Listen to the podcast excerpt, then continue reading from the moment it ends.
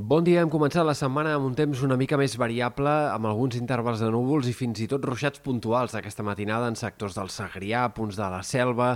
uns xàfecs que aquesta tarda tornaran a guanyar protagonisme al Pirineu en forma de tempestes que poden ser localment fortes altra vegada com va passar aquest diumenge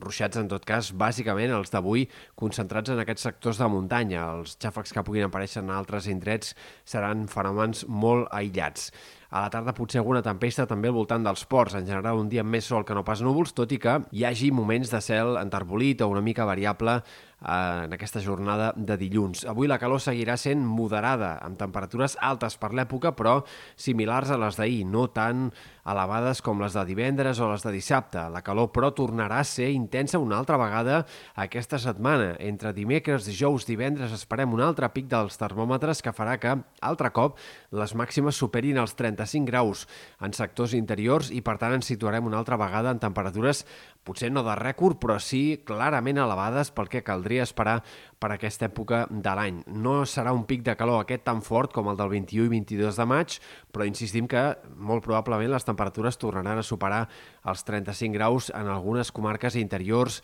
prelitorals o sectors de la Catalunya central. Sembla que aquesta calorada s'acabarà a partir del cap de setmana i d'una forma bastant clara i que tornarem, per tant, cap al final del cap de setmana, sobretot i l'inici de la setmana que ve, a temperatures bastant més normals per l'època